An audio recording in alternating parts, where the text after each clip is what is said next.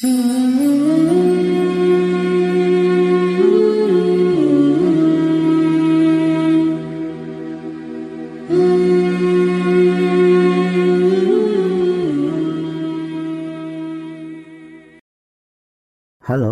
Assalamualaikum warahmatullahi wabarakatuh. Selamat malam generasi rebahan. Biar rebahanmu tidak membosankan, Rafa Podcast akan menemani malam minggumu dengan kisah seorang pezina dengan ahli ibadah.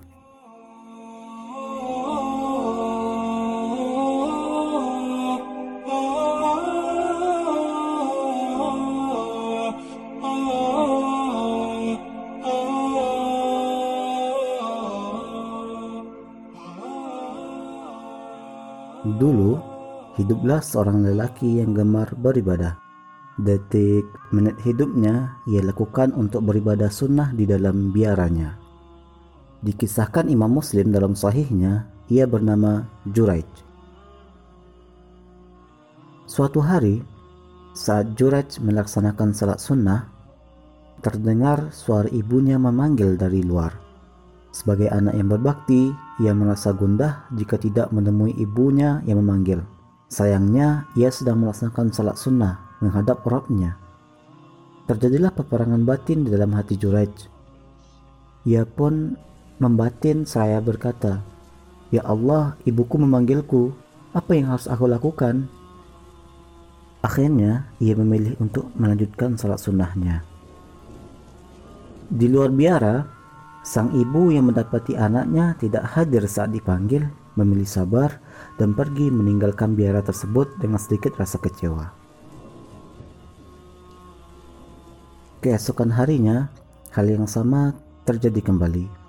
Juraij yang sedang khusyuk beribadah sunnah kembali mendengar suara ibunya yang memanggil. Layaknya seorang anak, pastilah ia merasa gundah kalau tidak bisa memenuhi panggilan seorang ibu.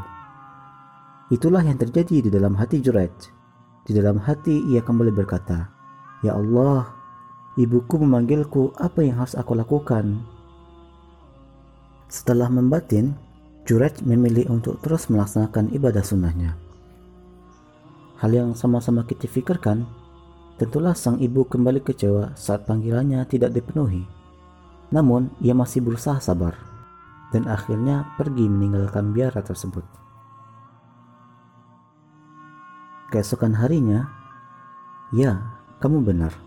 Hal yang sama terjadi kembali. Ibunya Juraj datang ke depan biara dan memanggil anaknya. Juraj, Juraj, kamu di mana? Sang anak yang sedang salat sunnah kembali dihampiri kegundahan di dalam hatinya. Apa yang harus dia lakukan? Akhirnya Juraj memutuskan kembali untuk meneruskan salat sunnahnya. Namun, di sini ada yang berbeda. Sang ibu yang sudah tiga kali diabaikan panggilannya pergi dengan sangat kecewa. Sambil berkata, Ya Allah, janganlah engkau matikan Juraj sebelum ia mendapatkan fitnah dari seorang wanita pezina alias pelacur. Di tengah Bani Israel, hiduplah seorang wanita pelacur yang sangat cantik. Ia tertantang untuk menggoda sang ahli ibadah yang terkenal di sana. Siapa lagi kalau bukan Jurej? Mulailah ia mendatangi Jurej, menggoda, merayu sang ahli ibadah tersebut.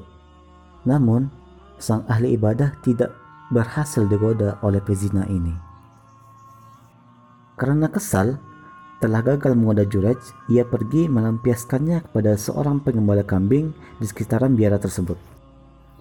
Mereka berzina dengan penuh semangat sampai-sampai ia hamil dan melahirkan seorang anak. Setelah melahirkan, sang wanita datang kepada Bani Israel dan berkata, Jurej telah memperdayaku dan bayi inilah buktinya. Bagaikan tersambar geledek, Bani Israel marah dan benci kepada Jurej. Mereka dengan kesal mendatangi dan menghancurkan tempat ibadah Jurej dan menyeretnya keluar. Jurej yang tidak terima diperlakukan seperti itu berkata, Apa yang kalian lakukan kepadaku? Mereka Bani Israel menjawab, Engkau telah memperkosa wanita itu sampai-sampai ia melahirkan seorang anak. Dengan sabar, Juraj bertanya, "Di manakah bayi itu? Bawalah ke hadapanku." Dibawalah bayi tersebut dan Juraj bertanya kepadanya sambil menyentuhkan jari tangannya ke perut si bayi. Hai bayi kecil, siapa bapakmu? Suatu keajaiban di luar logika terjadi. Sang bayi berbicara dengan jujur, mengakui bahwa ayahnya adalah pengembala kambing.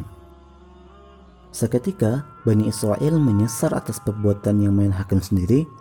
Mereka meminta maaf pada Jurej sambil berkeinginan membangun kembali biara Jurej dengan emas. Tetapi Jurej menolak dan meminta untuk dibuatkan seperti dulunya saja.